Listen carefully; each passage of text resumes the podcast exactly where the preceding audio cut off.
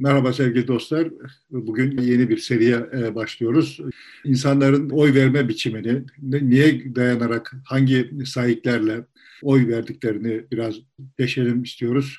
İnsanların davranışlarını belirleyen sebeplerin arkasındaki şeyler nedir? Bunlar üzerinde biraz e, duralım. Hazır Türkiye bir seçim atmosferine girmiş iken ya da tercih etme sürecini yaşarken bolca tercihler yapıyoruz son dönemde.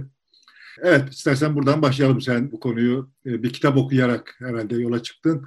E, son zamanlarda bir kitap okudum, hayatım değişti demiyorsun ama bir kitaba başladım ve okudum. Çok şey farklı gelmeye başladı diyebiliyorsun. Ya aslında tam öyle değil. Yani bir yandan hayıflanıyorum. Sonuçta benim sadece gözlem yaparak vesaire işte filan böyle ulaştığım bir takım sonuçları insanlar derin araştırmalarla çok kapsamlı araştırmalarla kitap haline getiriyorlar. Bir yandan işte bunlardan gecikmeli olarak haberim oluyor diye ay işte iyice taşralaştı Türkiye diye hayıflanıyorum. bir yandan da ya bu kadar taşrada yine de dünya ile senkron kalmışım demek ki her şeye rağmen gibi bir kendime bir övünç payı çıkartıyorum falan. Şimdi doların durumu malum uzun süredir kitap sipariş edemiyorum. İşte böyle hani yoksul düşmüş ailelerin çeyizlerini e, eşelemesi gibi ben de çeyizlerimi eşeliyorum. Zamanında aldığım ve okumadığım kitapları eşeliyorum. 2012'de bir kitap çıkmış. Ben de hemen almışım yani. Jonathan Haidt diye birisinin The Writer's Mind diye. Yani herhalde çevirmeye kalksak bunun ilk kitabını Türkçe'ye çevirmişler de bunu çevirmemişler. Bu kitabın adını çevirmeye kalksak herhalde işte Erdemli Zihin diye çevirmemiz gerekir. Bu tür kitapları seviyorum çünkü çok sayıda araştırma son dönemde insan davranışları hakkında yeni nesil araştırmalar çok yaygınlaştı. O tür araştırmalardan haberim oluyor yani. Kitaplar asıl zenginleştirici tarafı bu. Kitabı okumaya başlayınca yeni bir şeyle karşılaşmadım. Yani benim söylemek istediğim ya da zamanda söylediğim, yazdığım şeylere ilave olarak çok bir şey yok ama omurga itibariyle evet yani bütün bunun üzerinden böyle konuşursak belki dünyaya bakışımızda bir serinleme katkımız olabilir filan gibi hissettim. Sadece o kitaptan söz etmeyeceğim yani ama hani o kitabı omurga olarak kullanarak birçok başka kitapta da kitaptan da yararlanarak bizim insanların oy verme davranışı hakkındaki varsayımlarımızın ne kadar saçma olduğunu ve işte aslında olayın nasıl oluyor olduğu konusunda son dönemde elde ettiğimiz, son dönemde dediğim son 20 yıl filan civarında elde ettiğimiz bilgi birikimini dilim döndüğünce paylaşmaya çalışacağım. Birkaç program sürer diye düşünüyorum yani.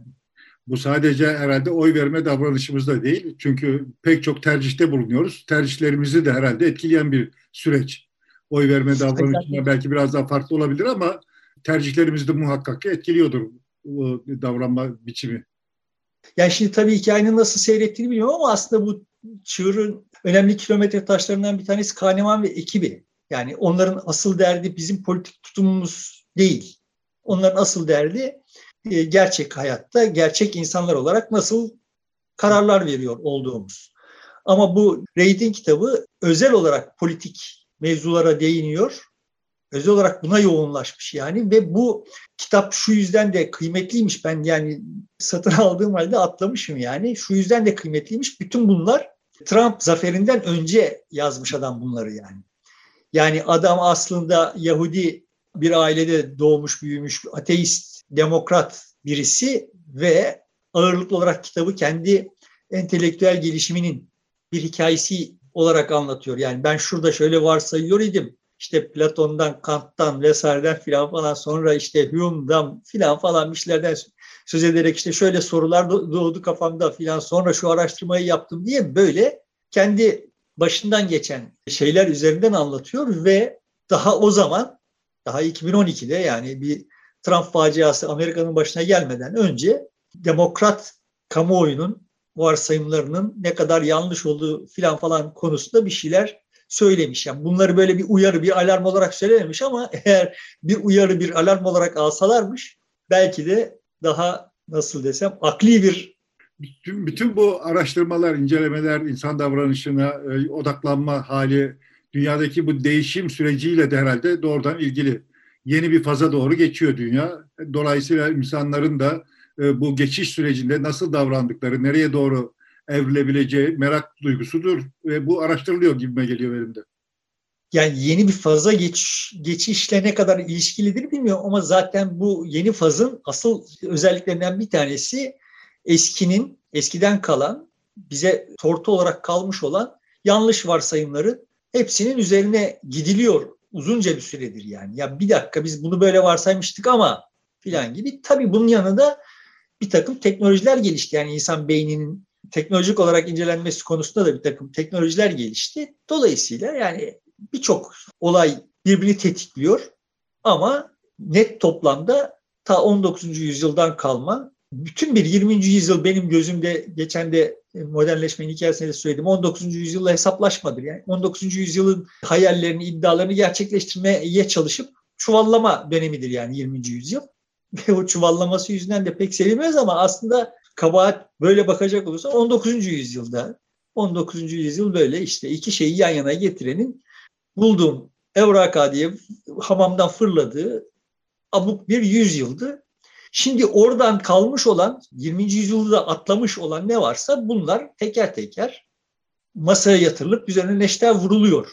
Yani ve bu çoğu insan iyidir kitabından söz ederken de söylemiştim. Yani mesela işte bizim bu 20. yüzyılda ürettiğimiz ve işte 19. yüzyıl kafasıyla üretilmiş olan yapılmış olan bilimsel görünümlü bilim kisvesi altındaki deneyleri arka planında ya olaylar öyle değilmiş aslında filan gibi araştırmalar da yapılıyor yani. Dolayısıyla evet insanın hakkında insan beyni hakkında daha çok şey öğrendik bu dönem boyunca. İnsan beynini incelemek için teknolojilerimiz gelişti ve toplum ve dünyada da bir ihtiyaçlarımız değişti. Şimdi bütün bunlar bir araya geldiler ve bir takım böyle hani sahiden de tarihte iz bırakacağını düşündüğüm insanlar, işte Kahneman gibi insanlar, Nassim Nicholas Taleb falan bütün bunlar bir de birbirleriyle ilişkili insanlar yani gibi insanlar bir, bir şeyleri sorgulamaya başladılar. Bu sorgulama kapsamında da işte insanın nasıl bir karar verme makinesi olduğu çok gecikmeli olarak masaya yatırıldı. Ben kendi hikayemi anlatırken özetlemiştim zannediyorum. Benim şahsi hikayem de biraz böyle başladı. Yani ben yüksek lisans tezi yaparken bilgi sistemleri, yönetim bilgi sistemleri konusunda tez yapmak üzere başladım. Teze başlarken ki hikayem şöyle bir şeydi. Yani elimizde yönelim araştırması araçları var. Karar vermeye yönelik olarak. Yani diyelim ki işte en basitinden alalım. Sen bir stok malzeme yöneticisisin ve işte fabrikada bir fabrikada çalışıyorsun. Fabrikaya civata alınacak. Bilmem işte saç alınacak vesaire filan falan. Bunları alma kararlarını vermekle yükümlüsün. Şimdi bunların optimum çözümleri var diye öğreniyoruz biz üniversitede. Yani şu tarihte şu miktarda eğer sipariş verirsen fabrika için en optimum çözüm budur. Stokta minimum mal tutarsın ama ihtiyaç olduğunda da tezgahlarda mal sıkıntısı çekilmez, tezgahlar durmaz. Dolayısıyla işte ekonomik olarak en optimum çözüm şöyle bulunur. E o bunun da bilgisayarlar gelişmiş vesaire falan falan böyle oturup da insan emeğiyle ve çok yuvarlama yaparak çok hata yapmayı göz alarak yapmana gerek yok.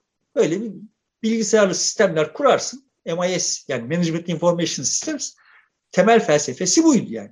Bu tür sistemleri kurarsın. Siparişleri bak bugün şuna e, şunların şu kadar sipariş verilmesi gerekiyor der. Bu anlamda ben de işte o bu hevesle tez yapmaya başladım. Tezin ortasında fark ettim ki yani ben yanlış yoldayım yani. Yani çünkü evet bazı fabrikaların müdürleri diğerlerininkine fabrikaların stok müdürleri diğer fabrikanın müdürüne kıyasla daha tedbirli. Yani ya olur da işte ben şimdi bunu e, 100 bin birim alırsam ve fakat işte sonra şöyle bir aksaklık olursa dolar yükselirse tedarikçi şöyle yaparsa filan falan diye 100 bin değil de 120 bin birim alayım biraz daha fazla stok taşıyayım ne olacaktı onun maliyeti filan gibi bakıyor. Kimileri daha çok risk alabiliyor. Mesela yani en, en basit bu tür durumda bile karar vericinin kendisi karar verilecek problemle etkileşim içinde. Dolayısıyla karar vericiyi hesaba katmak gerekiyor. Yani bütün ortaya yani, çıkan hesaplamalara rağmen karar verici de bunun üzerine kendisi bir karar veriyor, ilave yapabiliyor yani. Artırıyor ya da azaltıyor. Bir faktör olarak giriyor işin içerisine.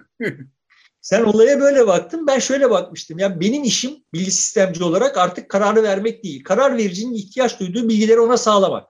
Hı. O kendisi bu bilgileri harmanlayarak yani şöyle hangi bilgiye ihtiyacı olduğuna da o karar verecek. Benim benim görevim bilgi, bilgi sistemci olarak benim görevim bütün mümkün bilgileri karar vericinin ihtiyaç duyabileceği bilgileri ya da o ihtiyaç duyduğunda o bilgileri ona sağlayacak şekilde kendimi hazır tutmak diye bu sonuca varmıştım. Yani şimdi burada tek mesele tedbirlik falan falan da değil. Mesela diyelim ki sen satın almadan e, sorumlusun ve işte defalarca denediğin, kendisinden de memnun kaldığın bir tedarikçi var. E işte o tedarikçiden teklif aldım. İşte birim başına diyelim 6 lira verdi. E ama başka birisi var. Hiç daha önce alışveriş yapmamışsın, kim olduğunu falan falan da bilmiyorsun. O da 5.85 verdi. Şimdi teorik olarak biz endüstri mühendisliği kafasıyla olaya şöyle bakıyoruz yani. yani 5.85 verenden alacaksın yani. Ama birçok karar vericiyle karşılaştım ki yani adam telefonu açıp o daha önce iş yapa geldiği adama diyor ki kardeşim bak ben 5.85'ten teklif aldım sen niye 6 lira verdin? O da diyor ki evet o 5.85 vereni tanıyorum. O işte Çin'den getirdi malı bir, bir partilik yani bir kerelik getirdi zaten satıp gidecek yani. Bu sektörde kalıcı değil. Ben onun verdiği fiyatı veremem çünkü işte evet maliyetleri düşürmek için şu yatırımları yaptım ve eğer 5.85'ten verirsem batacağım. Kredimi ödeyemeyeceğim, batacağım. Şimdi adamın batması senin işine gelmiyor olduğu için çünkü sadece bugünlük bir iş yapmıyorsun yani. Uzun vadeli bir sürecin içindesin ve adamı de, defalarca test etmişsin. Evet sözünde durmuş. Söylediği fiyattan, söylediği tarihte, söylediği miktar, söylediği kalitede malzemeyi sana temin etmiş yani. Şimdi sen 5.85'ten alacaksın da onun kalitesi hakkında mesela yani kalite kontrolleri yapacaksın falan yani elbette ama yani kalitesi ve sürdürülebilirliği konusunda hala tereddüdüm var. Dolayısıyla adam orada hiç de rasyonel görünmediği halde, ekonomik olarak rasyonel görünmediği halde 6 lira verenden onu alabiliyor yani. Alabilmeli mi? Ya bana sorarsan alabilmeli ama yok kardeşim olur mu? Fabrikanın işte ya da firmanın çıkarları doğrultusunda 5.85 verenden alınması gerekir diyenler de var. Benim söylemeye çalıştığım şey bilgi sistemcilerinin işi karar vericileri yerine bu kararları vermek değil. Ama bu örnekler bize gösteriyor ki karar vericinin şu kararı vermesi veya bu kararı vermesi bir, birisi diğerine göre daha rasyonel değil. Sadece öncelikleri farklı. Dolayısıyla ben teze böyle bir klasik yönetim bilgi sistemleri, management information systems olarak başladım. Karar destek sistemleri olarak bitirdim ve o tarihlerde de gerçekten çok günceldim yani. Yine dünyanın taşrasında ama çok güncelmişim. Çünkü tam da o tarihlerde bu karar destek sistemleri, konseptleri falan falan da e, filizlenmeye başladı. Benim netice itibariyle bu süreçlere ilgim ta 1980'de başlıyor yani. Ve ne kadar çok olmuş ne kadar yaşlanmışız yani. Ve evet yani benim siyasi danışmanlık ya da kamuoyu araştırmaları yapmaya başladığım zaman da kafamın içinde bu bu şey vardı. Kendi tutumuma da bu yansıdı zaten. Yani bana herhangi bir konuda karar, hüküm soranlara hep sadece bilgi sağlamakla yetinmeye çalıştım gücüm yettiği kadarıyla. Yani. Kendi kararım elbette var ama herkesin önceliğinin benimkinden farklı olduğunu biliyorum. Şimdi bu kitapta da Jonathan Haidt bu öncelik farklarının kültürel, sınıfsal vesaire açısından nasıl fonksiyonlar üstleniyor olduğu üzerine yoğunlaşmış. Yani ama hani onlara ilerleyen bölümlerde geleceğim de. Şimdi bizim siyaset ve siyasette insanlar nasıl parti tercihi yapıyorlar filan falan konusundaki varsayımlarımızı bir özetlemeye çalışayım. Çuvalladığım yerde, takıldığım yerde, yanlış bulduğun yerde itirazlarını yap yani.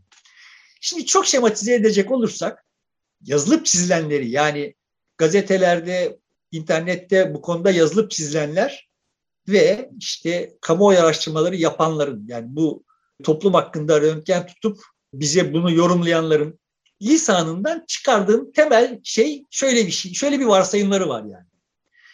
Solculuk diye bir eyalet var. İşte sağcılık diyebileceğimiz, ılımlı sağ diyebileceğimiz, eskiden merkez sağ denen bir eyalet var. Dincilik diyebileceğimiz bir eyalet var. Milliyetçilik diyebileceğimiz bir eyalet var. Daha tanıdık kavramlar istersen mahalle diyelim bunlar, eyalet yerine. Hayır yani şimdi şu anlamda bu bir harita ve tamamlanmış bir harita. Yani Türkiye'nin tamamı yani Türkiye sosyolojisinin, siyaset sosyolojisinin tamamı böyle. Peki mahalle diyelim bir şehir bu ve şehir böyle parsellenmiş. Ve sen ya işte solcuysan solculuk mahallesindesin. Milliyetçiysen milliyetçilik mahallesindesin. Birisinden ötekine geçmek eyalet belki devlet demek şöyle fayda sağlayacaktır. Yani pasaport almak çok kolay bir iş değil yani oradan oraya geçilemiyor. Yani insanlar ya milliyetçiler ya dinciler ya solcular filan yani ikisi birden olma şansları yok. Ve insanların ne olduğuna nasıl hükmediyoruz? İki yolumuz var. Sandığa gidip verdiği oya bakıyoruz. Şu kadar insan şundanmış diyoruz. Veya soruyoruz sen necisin diyoruz. Adam da diyor ki ben muhafazakarım. Tamam ha, adam muhafazakarmış diyoruz.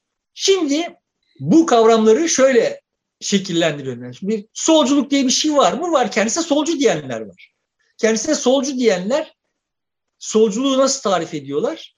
Yani işte mesela diyelim ki başkalarının acılarından acılanan insanlar.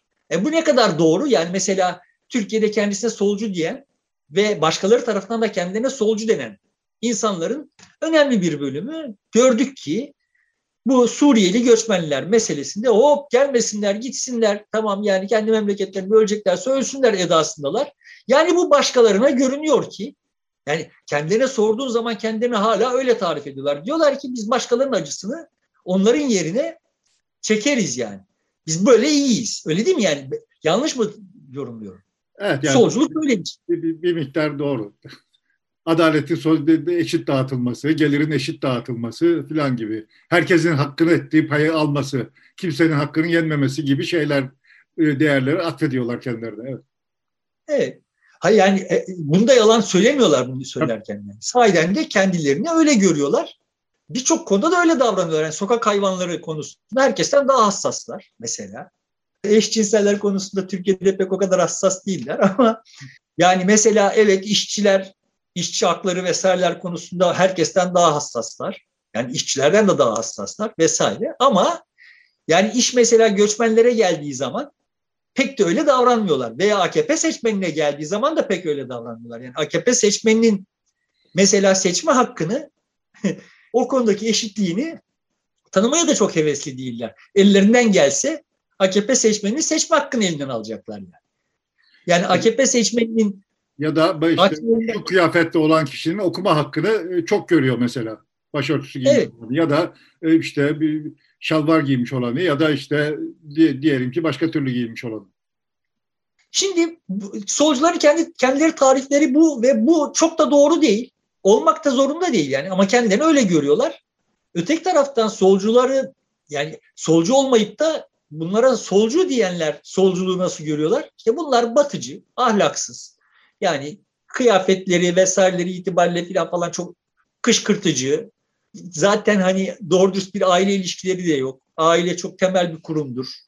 Ama bunların ona saygısı yok. Zaten hiçbir şeye, hiçbir yüce değere saygıları yok. Yani devlete yok, millete yok, dine yok, geleneği yok, aileye yok. Bunlar batılı, batılı tarafından baştan çıkarılmış, satın alınmamışsa eğer ifade edilmiş insanlar. Değil mi ya şimdi Öteki taraftan bakınca da solculuk böyle tarif ediliyor.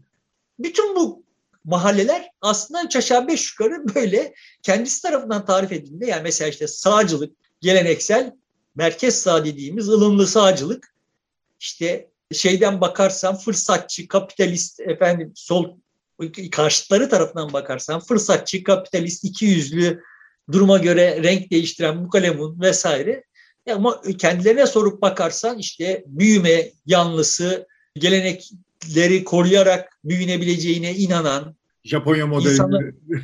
kendilerine evet. yeni bir model diye benimseyip değerleri koruyarak modernleşme falan. Evet. İnsanlara saygılı, insanların tercih haklarına saygılı ama işte onlar da solcuların tercih hakları gündeme gelince pek saygı göstermediklerini görüyoruz, biliyoruz. Ama en sonuçta işte ılımlı sağda öyle bir şeydi. Yani işte dincilik ne işte kendilerini tarif ettikleri şekliyle dincilerin kendilerini tarif ettikleri şekliyle dinin kurallarının Allah tarafından vahyedilmiş olduğu, dolayısıyla onların tartışmaz olduğu, dolayısıyla onlara riayet edilmesi gerektiği, bu dünyanın gelip geçici olduğu, aslında öbür dünya için ne yapılıyorsa yapılması gerektiği vesaire. Beri taraftan bakarsan dincilik ne? İşte 3-5 tane sarıklı adamın peşinden sürüklenen sürü ve işte bir masala inanmış. İtaat kültürünün hakim olduğu, itiraz evet. olmadığı bir yer. Evet. Bir masala inanmış aptallar sürüsü yani.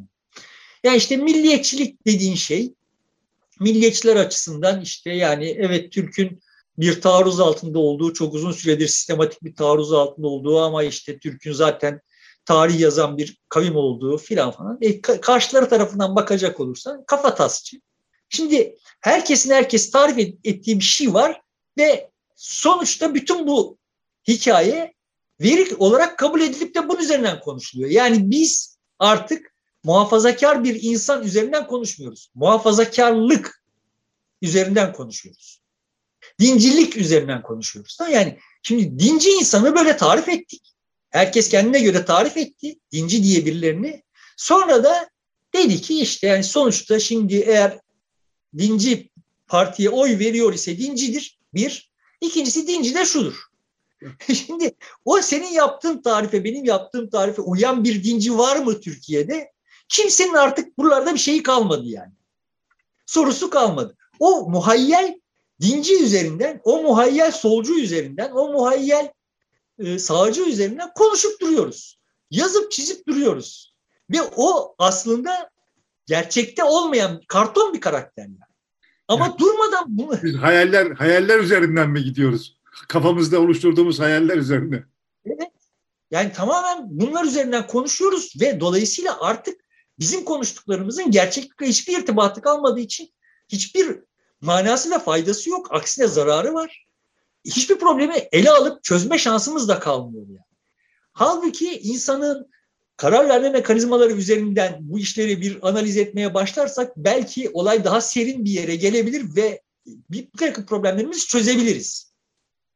Peki bu süreci nasıl ele alabiliriz? İşte hani Peki biz ee, mesela işte bir solcuyu tarif ederken ya da bir sağcıyı tarif ederken kararımızı neye göre veriyoruz?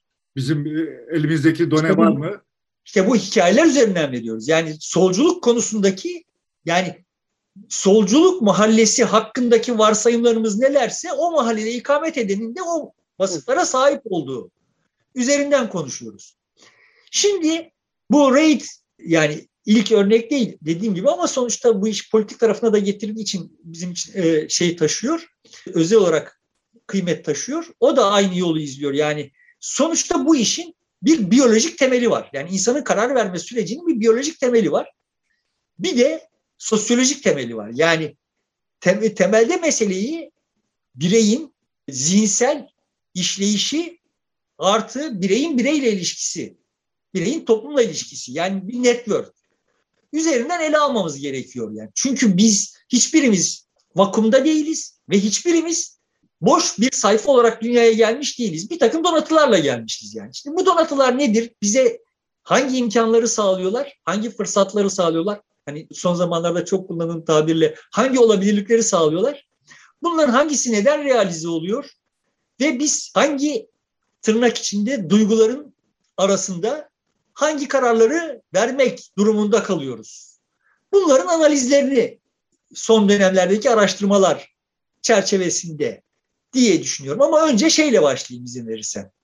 Şimdi Konya'da 1973'ten 2011'e kadar ki oy verme davranışları sandığa nasıl yansımışı bir görelim. Burada sol dediğim kendisine sol diyen ve başkalarının da kendilerine sol dediği işte CHP, DSP, 83'te Halkçı Parti. Kurum Parti, SODEP, SHP, filan. Evet. Sağ dediğim işte Adalet Partisi, Bozbeyli'nin Demokratik Partisi. Anavatan daha sonra kurulan Doğru Yol. Doğru Yol. Sonra Milliyetçi, da işte MDP Parti, Milliyetçi Demokrasi Partisi 12 Eylül hemen arkasında kurulmuş olan. Evet, MDP'yi de oraya kattım. Ve işte e, şey, ANAP ve DYP'nin birleşmesiyle kurulan Demokrat Parti. Dinci dediğim MSP, Refah Partisi, Fazilet Partisi ve AKP. Yani sonuçta kendileri de fazilet, faziletten doğmuş oldukları yere dönmüş gibi görünüyor ve herkes de onları zaten öyle konumlandırıyor. Kendileri de görünen o ki uzunca bir süredir bundan şikayetçi değiller. Ve milliyetçi dediğim işte Türk Yaşam Partileri, MHP, MÇP evet. ve bir de Kürtler var. İşte durmadan kapatılan partileriyle. Şimdi 73'te Konya'da görülüyor ki e, ciddi bir sayıda solcu var ve bu sayı mesela 77'de artmış ama 83'te düşmüş. Hadi 80 çok arzi bir seçim onu atlayalım. Sonra artmayı sürdürmüş 87'de ve oradan itibaren neredeyse istikrarlı bir biçimde gerilemiş. Yani şimdi Konya'da görünen o ki solcu mahalleden birileri pasaport alıp başka bir yerlere geçmişler yani. Ya Ama şehir, asıl ya şehir değiştirdiler ya da başka mahallelere geçtiler. Evet. Şehir içerisinde. Asıl asıl benim açımdan çarpıcı olanı şu. Yani bu e, Konya'da dinci dediğimiz yani kalesi Konya olan dinciliğin Konya'daki payı bile ta 1991'e kadar sağın yanında, ılımlı sağın yanında son derece düşük. 95'te ilk defa dinci dediğimiz parti Konya'da birinci parti çıkıyor. 99'da o egemenliğini kaybediyor çünkü milliyetçiler yükseliyor. Görünüyor ki 99'da o işte 28 Şubat sonrasındaki türbülansta Fazilet Partisi'nin de kapatılabileceği vesaire falan korkuları dincilerden milliyetçilere bir ciddi bir kaymaya yol açmış. Çünkü zirve yapıyor milliyetçiler. Sonra milliyetçiler e, hızla azalmayı sürdürecek Konya'da. Dinciler de artmayı sürdürecek. Şimdi bu iş bizim deminki şeyimize baktığımız zaman uymuyor. Yani insanlar hem dinci hem milliyetçi olabiliyormuş. Mesela Demek. Konya'da bir de e, yerel seçimlerde 12 Eylül öncesi keçeciler var, Mehmet Keçeciler. O mesela belediye başkanları kazanmış idi. Hay zaten sağ çok güçlü yani. Teknik olarak bakarsa tarihte. O zaman MSP'den kazanmıştı yani. Yani yani küçük bir dinci parti oy alabilmişti. Diğerlerinden oraya geçmişti. Evet. Sonuçta şimdi ama tablo şu yani çok değişkenlik mahalleler arasında çok ciddi değişkenlikler olabildiğini görüyoruz. Ve diyelim ki şimdi bu seçimde de yani son seçimlerde de iyi kötü sağ diyebileceğimiz partiler seçime girdikleri halde artık küsurat kadar oy alabiliyorlar yani. Dinci dediğimiz partiler Konya'da ortalığı süpürüp götürüyorlar. Şimdi bu kadar dinci nereden ortaya çıktı? Yani ya bizim olayı parsellerken kullandığımız kavramlar geçersiz ya da insanlar bizim zannettiğimizden daha çok sınır geçebiliyorlar. Sınırlar o kadar çok belirleyici değil yani. Bu parti e, davranışını, oy verme davranışını değiştirebiliyor sınırları geçiyor derken. Evet. A partisini verirken B'ye geçebiliyor evet. Yani dincilikten milliyetçiliğe veya işte solculuktan Kürtlüğe vesaire falan falan geçebiliyor insanlar. Buradan şunu görüyoruz. Yani şimdi diyelim ki merkez ılımlısa doğru dürüst siyaset üretebilmiş olsaydı eğer bugünkü gördüğümüz tablo ortaya çıkmayacaktı. Yani ılımlı sağın kendi içinde siyaset üretme kabiliyetini kaybetmiş olmasının ortaya çıkmış olan sonuçları topluma, toplumun bir takım özelliklerine vesaire vasıflarına filan falan endekslemenin bir manası yok. Burada işaret etmeye çalıştığım hususlardan bir tanesi bu. Şimdi İzmir'e bakalım. Yani kontrast olsun diye İzmir'e bakalım. İzmir'de neler olmuş? 1973'ten 2011'e kadar. İzmir'de yine sağ güçlü ve dinci sağ ve milliyetçi sağ neredeyse yok mertebesinde. Yani işte 73'te 5000 küsür oy almış MHP İzmir'de. E şimdi baktığın zaman anlamlı bir paya sahip. Ya zaten ılımlı sağı çok geçmiş filan ılımlı sağ zaten yok mertebesinde de ne olmuş oldu? Yani buradan da işaret etmeye çalıştığım husus şöyle bir şey. Ne olmuş oldu? İzmir milliyetçi göç aldığından mı oldu bu iş? Hayır İzmir daha çok Kürt, Kürt göçü aldı. Kürt göçü aldığı için milliyetçi, yani başka mahalledekiler milliyetçi mahalleye geçtiler.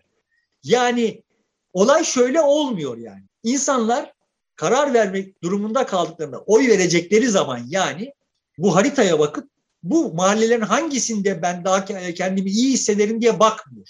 İnsanlar kendi göz hizasındaki diğer insanlara bakıyorlar. Burada Kürtler var. Onu tehdit olarak algılamaya başlıyor artık. Kürt yokken bir başka adam idi. Yani o zaman İzmir'de çok fazla Kürt yok iken gidip de gönül rahatlığıyla AP'ye, Anavatan'a filan oy veriyor idi. Ama o İzmir'de Kürtlerin sesi çıkmaya başladığı zaman bu MHP. adam değişti. O zaman gidip MHP oy verdi yani. Evet. Yani Anavatan'ın temsil ettiği şeyler değiştiğinden veya MHP'nin de, temsil ettiği şeyler değiştiğinden, Kürtle, de, değiştiğinden değil, Kürtlerin varlığı yüzünden adam değişti yani. Mesela oysa o Kürtler kendi partilerinde değil ve CHP'ye ya da Anavatan'a pekala oy verebiliyorlar idi. Hala verebiliyorlar yani sonuçta hala verebilirler e, esasen demeye çalıştım. O tarihlerde kendi partilerine oy vermelerinin ötesinde bir bir sıkıntı var idi.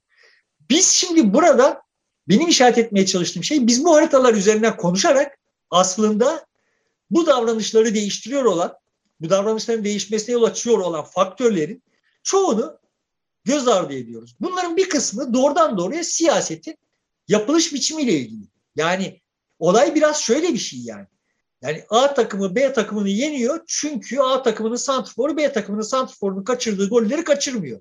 Şimdi yıllardır bize CHP diyor ki ama ben de bak onun gibi vurdum. Top yarım metre yandan dışarı gitti. Tamam yani demek ki onun gibi vurmamışsın, vuramamışsın yani.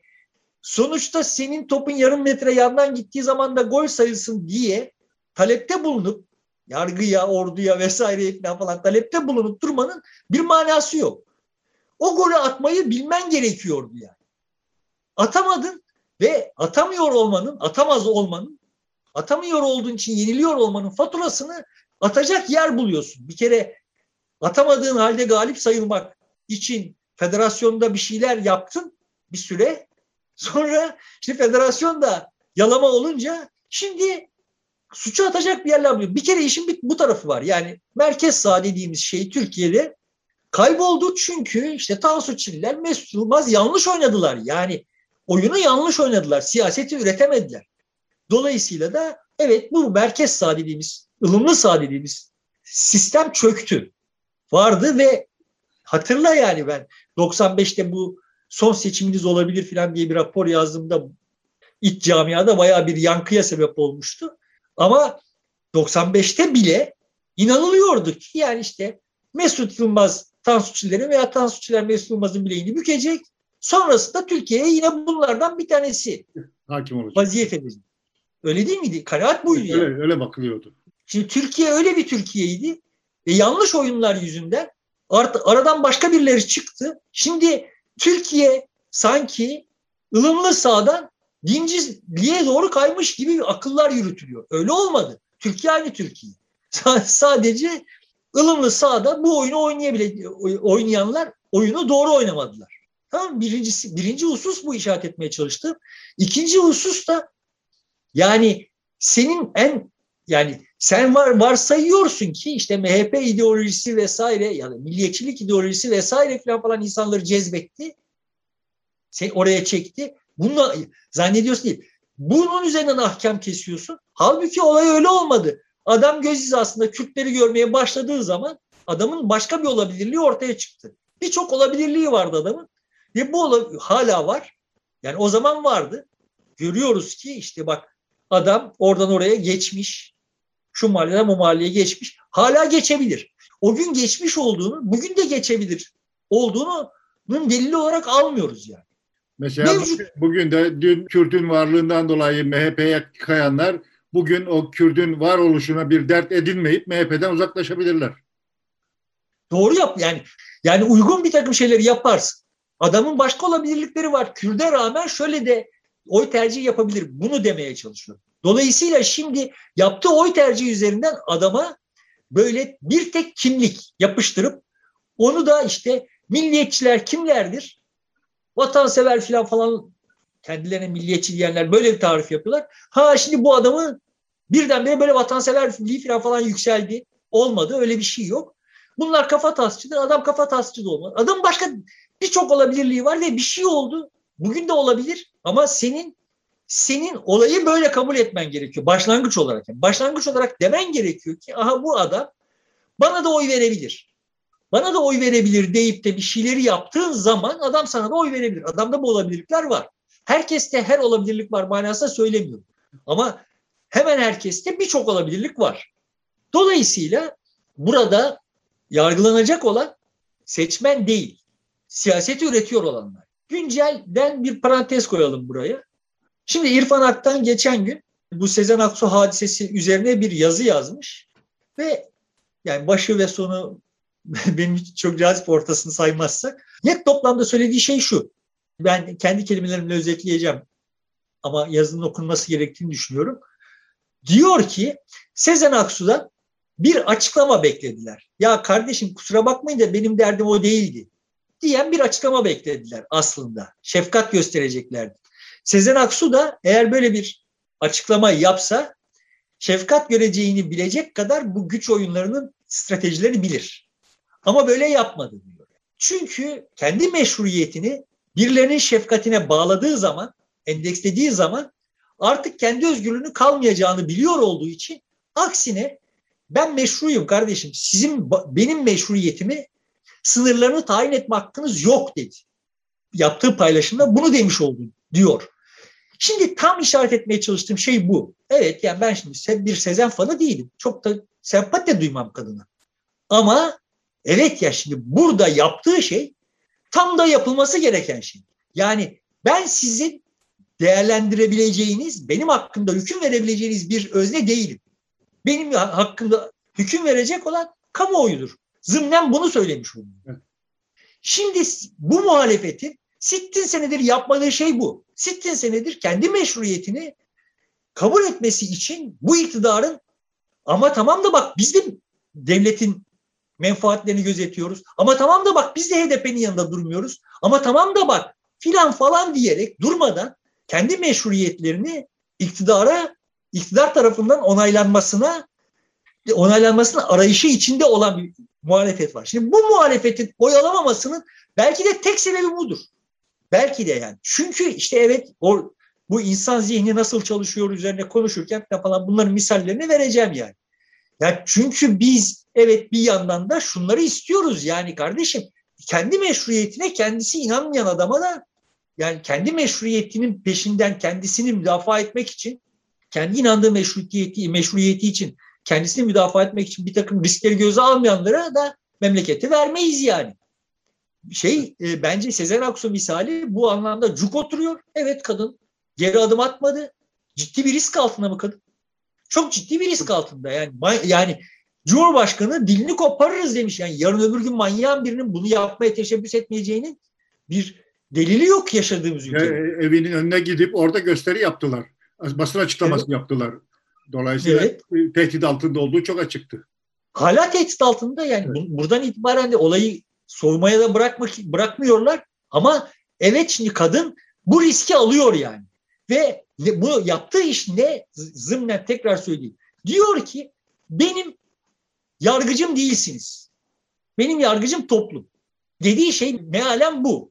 Ve Bunu yapmaya... Sezen Aksu'nun bu açıklamasından sonra da neredeyse ona yönelik eleştiriler bıçak gibi kesildi. Eski dozunda, eski havasında değil.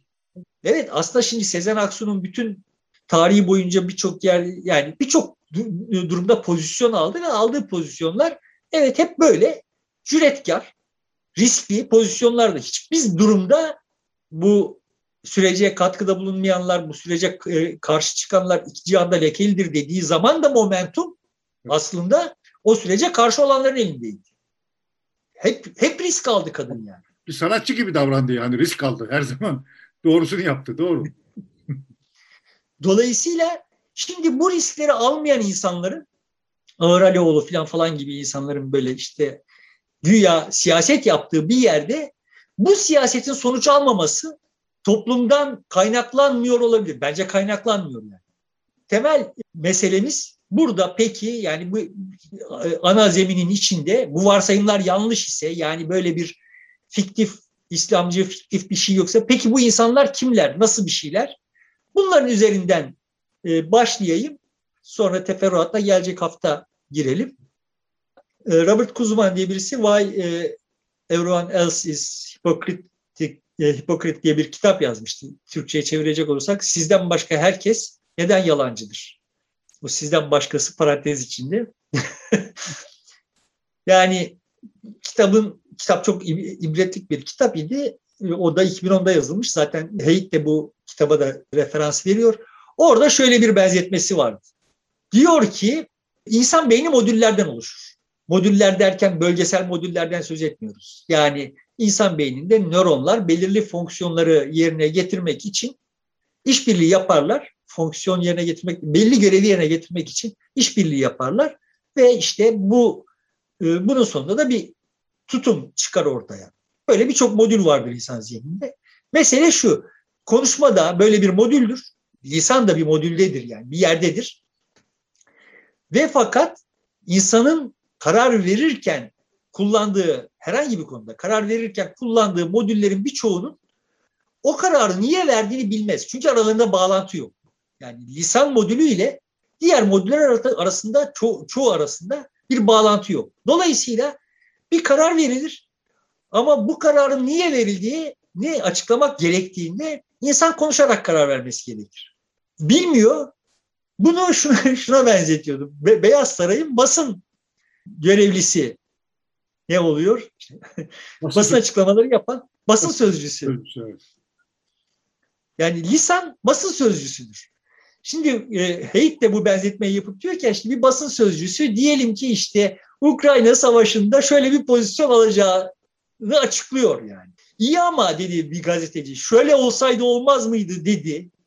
Basın sözcüsü şunu diyemez. Aa hakikaten bak bunu hiç düşünmemiştik. Ben bunu değerlendirelim diyemez. Çünkü o arkada neler olup bittiğini bilmiyor yani. Ve onlara müdahale şansı da yok. Hepsi... O anda söylenmesi gerekeni söylüyor o kadar. Daha ilerisine evet. gidemez. Şimdi bunu şunun için yani biz bunlar üzerinden konuşarak yani adama sen necisin diye sorarak aldığımız cevaba yaslanarak adamın neci olduğu hakkında bir, şey, bir bilgisi elde etmiş olmayı adam yani adam bir şey ne olduğunu kendisi bilmiyor ya. Yani hepimiz böyleyiz. Adam dediğim zaman da hani bu, bu işlerde bir de şöyle bir dilim yandığı için hep bunu da söyleyeyim. Ben bu tür işte araştırmalar üzerinden bak insanlar böyledir dediğimde Aa, evet ya hakikaten insanlar öyle diyorlar. Yani. Tamam, sanki kendileri insan değilmiş gibi. Yani insanlar böyledir dediğinde ben şunu kastediyorum. Sen öylesin, ben böyle, ben öyleyim. Bizi izleyenler öyle, izlemeyenler öyle. Hepimiz öyleyiz yani. Bizim hepimizin dili, lisan modülü diğer modüllerin ne yaptığından habersiz olarak bize bir şey sorulduğu zaman rasyonelleştirme amacıyla kullanılıyor. Şimdi bunu Haidt ta işte Platon, Kant, Hume'dan getiriyor. Oraya da e, değinmekte fayda var da önce hani eğitim bu süreçte kullandığı metafor çok hoş değil ama çok bunun üzerine inşa ettiği için ben de adamın kitabına çok referans vereceğim için o metaforu anlatayım. İnsan zihni bir fildir diyor devasa cesameti olan ve işte lisanı da barındırıyor olan zımnen korteks dediğimiz şey de aslında onun üzerindeki bir sürücüdür. Ama o sürücünün görevi filin e, gideceği istikameti belirlemek değil yani. O sürücünün görevi ona hizmet etmek. Zaten cesameti itibariyle çok küçük ve gücü yetmez yani bunu yapmaya. Şimdi fil eğer böyle yavaşça sola doğru dönüyor ise onun görevi niye sola döndüğüne bir bahane, bir mazeret bulmak. Sağa doğru dönüyor ise herhangi bir konuda mavi ile kırmızı arasında maviyi seçmiş ise onu seçmesine mani olma gücü yok. Bu şeyi aklıma getirdi. Ee, bizim e, Bahçeli'nin açıklamalarına sürekli bir mana atfediyor ve izahta bulunuyor olmamızı akla getirdi. İşte yani sadece o değil. Bütün bu söz üzerinden, sözler üzerinden böyle milliyetçi, muhafazakar vesaire tanımlar üzerinden konuşmak vesaire falan falan aslında o olağanüstü çeşitliliği ve dinamiği kaçırmaya yol açıyor. Tamam mı? Yani sonuçta orada bambaşka bir, bir şey oluyor yani o film davranışı yığınla faktörden etkileniyor işte göreceğiz yani. Ve bütün bu çeşitliliği, bu imkanları vesaire falan göz ardı edip böyle tek boyutlu, tek noktalı, tuhaf bir dünya kur, kurmuş durumdayız. Ve bu bizim başımızı derde sokuyor yani. Bu diziyi yapmak istememin, senin de bu yükün altında durmemin esas sebebi bu yani. Bizim başımız bu yüzden dertte demeye çalışıyor. Şimdi bu e, modül derken neden söz ettiğime de geleceğim ama insanın nasıl uydurma kabiliyetli olduğuna dair daha önce bir programda söylemiş olmalıyım ama tekrarlayayım. Gazaniga'nın yanlış hatırlamıyorsam bir de, deneyi var. Bir hastası var. Bu hastanın beyninin iki yarısını birbirinden ayırmışlar. Ve hastanın sol gözüne çıplak kadın kalabalığın ortasında çıplak kadın fotoğrafı gösteriyor. Bu sol göz sağ beyne bağlı olduğu için sağ beyin çıplak kadın fotoğrafını algılıyor ama işte böyle kalabalığın ortasında kendisine böyle bir şey gösterilmesin diye yadırgıyor. Sinirli biçimde gülüyor. Güldüğünü tabii ki kendisi de duyuyor. Yani gülüşündeki tuhaflığı da duyuyor. Niye güldün diye soruyor Gazani'den. Şimdi niye güldüğünü bilmiyor. Çünkü görmedi. Bilmiyor yani soruya cevabı vermesi gereken sol beyin. Ve sol beyin güldüğünü duydu da neye güldüğünü bilmiyor yani. Bilmiyor ya bilmiyorum demiyor. Ya işte bak şurada adam çoraplarını çıkartmış ona güldüm işte şurada şu kadının şu kıyafetine güldüm filan diye uyduruyor yani. Bizim şimdi yaptığımız iş ağırlıklı olarak böyle bir iş. Yani sadece Türkiye'de ve sadece gazetecilerden söz etmiyorum yani. Bütün dünyada ve bu siyaset konusunda ahkam kesenlerin neredeyse tamamı aslında neyi neden yaptığını bilmiyor. Ona bir takım şeyler uyduruyor. Sonra o uydurdukları uydurduklarını gerçek kabul edip yani kendi uydurduğumuz milliyetçiliği gerçek veri kabul edip onun üzerinden konuşmayı sürdürüyoruz. Hiçbir milliyetçi öyle milliyetçi değil. Yani Türkiye'de milliyetçi kategorisinde oy kullanmış olanların hiçbirisi bizim tarif ettiğimiz türden bir milliyetçi değil yani. Ama biz o milliyetçilik üzerinden sanki o insanların tamamı öyle milliyetçiymiş gibi konuşup duruyoruz yani. Bu onda o oyu kullanmış olanlarda başka deformasyonlara yol açıyor. Yani o, o bilgi onlara gidiyor, onların beyni onları işliyor yine o fil o davranışa göre yön değiştiriyor. Şimdi o, niçin yön değiştirdiğini bilmiyor yine başlıyor. Üstündeki sürücü ona bir şeyler uydurmaya filan falan ve bu iş böyle sürüp gidiyor yani. Şimdi modüllere gelelim. Yani insan zihni modüllerden ibaret derken kendi metaforumu sunmadan önce yine yanlış hatırlamıyorsam Gazeniga'nın bir hastasından söz edeyim. Hastada bir yani bir rahatsızlık var. Alt beyinde bir sıkıntı var. Ve ne olduğu tam da iyi anlaşılamıyor falan falan. Semptomlardan bir tanesi şu. Hastanın annesi yanına geldiği zaman hasta hastanın sonra söylediklerinden anlıyoruz ki hasta kadının annesine çok benzediğini düşünüyor. Tıpatıp annesi. Fakat annesi konuşup yavrum demeye başlayınca isyan ediyor. Sen benim annem değilsin. Şimdi neden olduğunu anlayamıyorlar yani. Kadın yan odaya geçip telefonla konuştuğu zaman sesine evet anneciğim falan falan diye cevap veriyor. Yani bir annesi olduğunu inkar etmiyor. Kadının e, annesine benzediğini de inkar etmiyor. Ama kadını gördüğü zaman onun annesi olduğuna kabul etmiyor. Annemi çok benzeyen, annemi taklit eden, onun benim annem olduğuna inanmamı isteyen bir tür sahtekar muamelesi yapıyor yani. Şimdi neden oluyor bu iş? Mesele şöyle bir şey. Bizim gözlerimizden gelen bilgi üç farklı kanaldan e, görme bölgesine ulaştırılıp işleniyor. Bunların bir tanesi alt beyinden geçiyor. O alt beyinden geçen bilgi, bilgi şu yani, şu kadar basit bir bilgi yani. Bu gördüğüm şey tanıdık mı değil mi? Bu gördüğüm insan tanıdık mı değil mi? Şimdi orada bir hasar var adamda. Ve tanıdık, bu kadının tanıdık olduğu bilgisi gitmiyor. Adam kadını görüyor. Kadın annesi gibi, her şey annesi gibi ama tanıdık değil. Demek ki annesine çok benzeyen, tanıdık olmayan birisi. Şimdi adam, burada şunu işaret edeyim parantez içinde. Biz bir şeyleri görüp, yani gerçekliği görüp ona göre davranmıyoruz. Biz gerçekliği kendi zihnimizde inşa ediyoruz. Bütün bilgi inşadır yani. Şimdi bu postmodernler bunu söyledikleri için ve postmodernlerden de nefret edildiği için buna da böyle çamur atılıp realite bu yani. Yani insan beyni oradan bir yığın sinyaller alıyor ve bu sinyallerden bir şey inşa ediyor. Bir bilgi inşa ediyor. Şimdi bu bilgi gelmediği zaman öteki bilgilerle inşa ettiği şey anneme çok benzeyen ama annem olmayan bir kadın.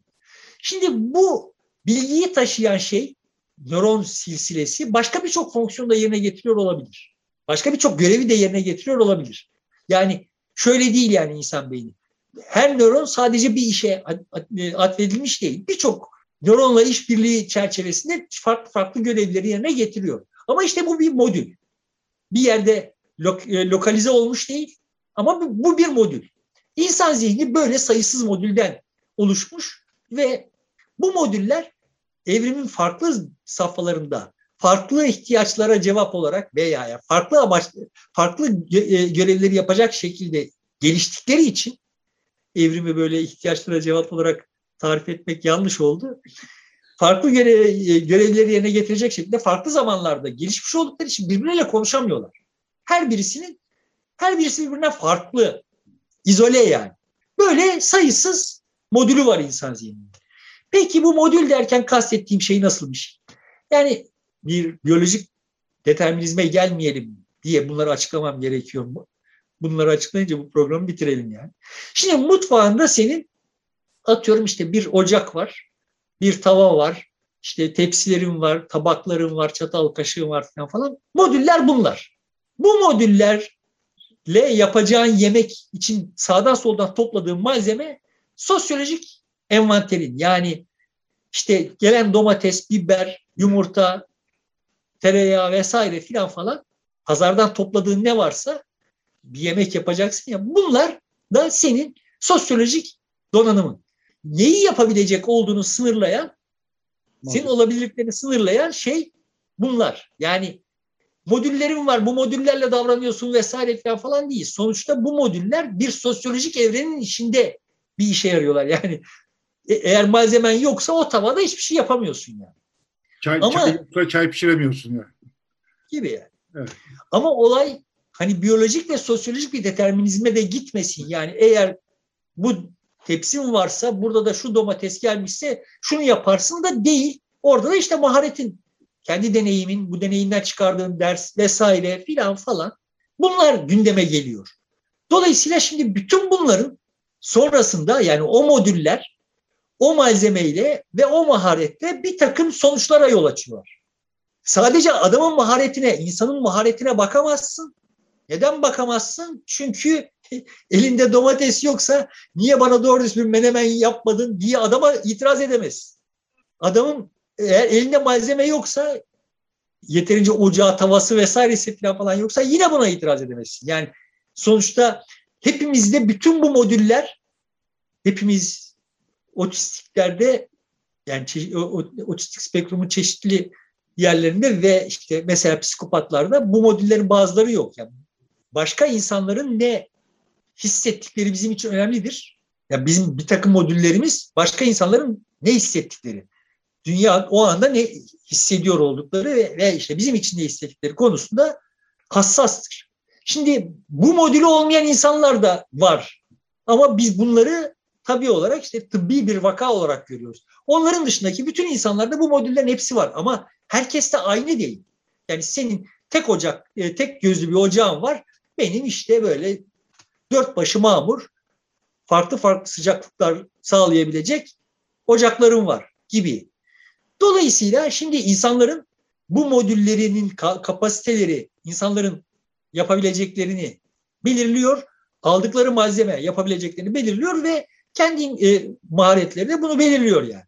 Bu çerçeve içinde işte önümüzdeki e, hafta bu modüllerin karar vermeye ya daha doğrusu Haydn modeliyle işte bu fil hangi durumlarda nereye doğru dönüyor, bu konudaki varsayımlar nelerdi, Platon ne demişti, Kant ne demişti filan falanlardan başlayarak genel bir karar verme, insanın karar verme sürecini analiz etmeye çalışalım. Sonra da bunu politikaya uygulamaya çalışalım. Olur burada bitirelim. Ama e, bitirmeden önce şöyle de bir çağrı yapalım. Bizi iz, dinleyenler, izleyenler e, kendi görüşlerini, katkılarını, eleştirilerini de e, bize sunarlarsa belki daha da zenginleşmiş olur bizim bir program. Böyle de bir çağrı yapalım. Dahil edelim yani herkesi de. Peki sevgili dostlar burada bitiriyoruz. Görüşmek üzere. Ve bu serimiz devam edecek. Sadece çarşambaları bunu yayınlayacağız. Hafta sonu da haftaya bakışla devam edeceğiz. Görüşmek üzere.